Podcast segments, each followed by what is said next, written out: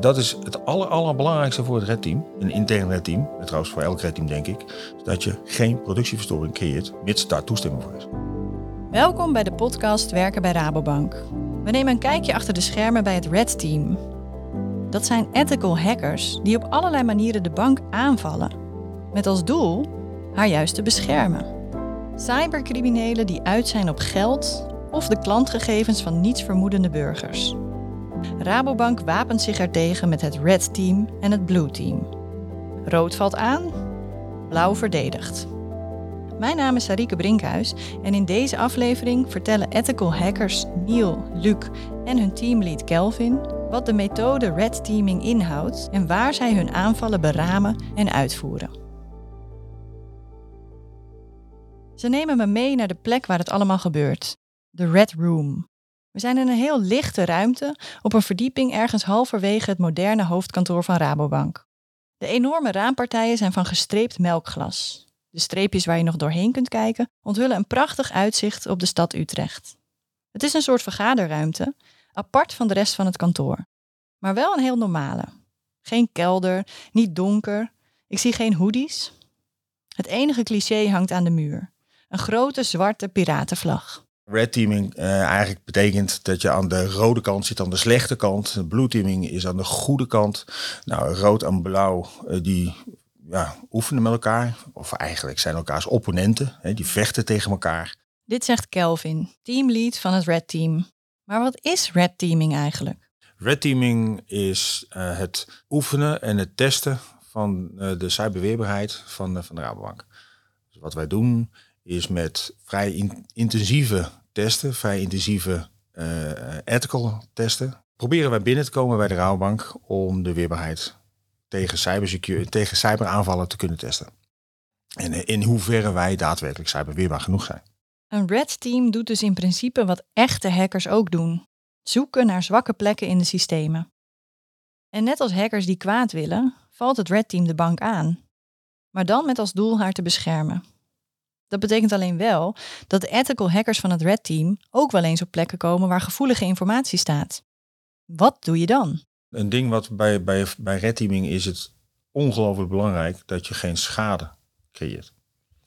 Uh, je moet je voorstellen dat we als, als Red Team soms op plekken komen waar je eigenlijk helemaal niet had mogen komen. En waar je ook met ja, een klein foutje best wel grote impact kan hebben op de productiviteit, hè, op, de, op, de, op de beschikbaarheid van, uh, van de omgeving.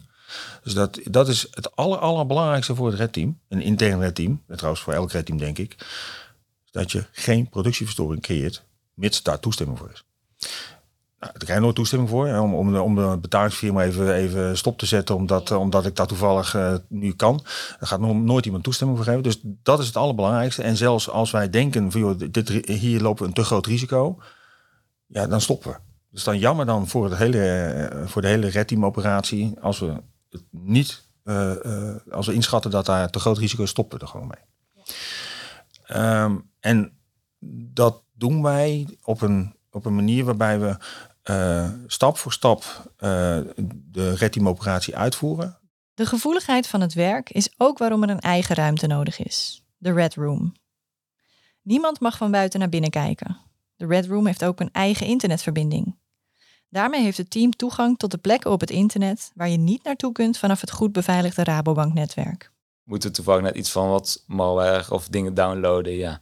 Dat is niet de bedoeling dat je dat binnen het, het Rabobank normale netwerk doet. Van hey, je hebt je gereedschap nodig om je werk goed te kunnen uitvoeren. Um, en ook andere zaken, randzaken zoals um, virtuele servers, omgevingen, computers, licenties.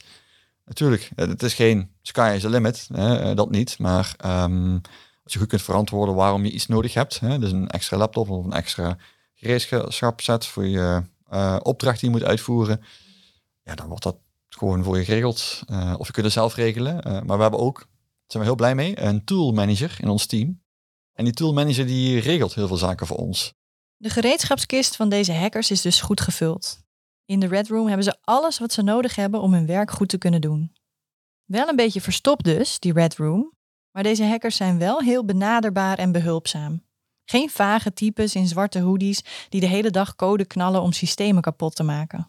Nou ja, goed, er worden natuurlijk uh, ethical hackers met hoodies in het donker en die, eten, en die eten alleen maar chips en cola. Nou, dat stereotype beeld, um, ja, dat, dat, dat wil je gewoon niet mee geassocieerd worden. Want dat is gewoon echt niet waar.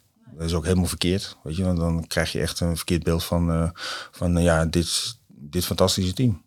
En teams bij andere organisaties trouwens. Je hebt heel veel verschillende soorten personen en, en, en ook interesses. Hè? want je kunt hacker zijn op mobiele apparaten. Social engineering kan ook. Het kan ook zijn op uh, technisch gebied. Uh, broncode software, ga maar door. Cybersecurity um, was vroeger echt wel iets van uh, de cyberspecialisten, de experts. Die, nou, weet je, het is allemaal heel lastig, heel complex. En uh, weet je, laat die nerds dat maar doen. Nou, dat, dat is het al lang niet meer. De grote, kleine organisaties, iedereen heeft er al een keertje mee te maken gehad of zelfs slachtoffer van geweest. Dus het is al lang niet meer een, een klein probleempje, maar iedereen's verantwoordelijkheid ook om daar wat mee te doen. Voor het Red Team is het van groot belang dat collega's zich bewust zijn van hun verantwoordelijkheid in cybersecurity. Hoe zorg je ervoor dat hun complexe werk breed gedragen wordt binnen Rabobank? Hoe leg je uit wat je doet en overtuig je anderen van hun aandeel in het proces? Wat wij doen is uh, storytelling. Dus dat betekent dat wij eigenlijk het publiek meenemen in een scenario wat wij hebben gedaan.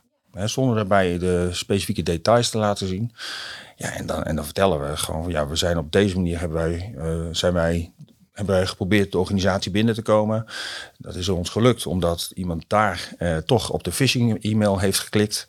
En geloof mij maar, wij maken phishing e-mails waar iedereen intrapt. Dus zeg, zeg nou niet van nee, dat gebeurt me niet. Het gebeurt je echt.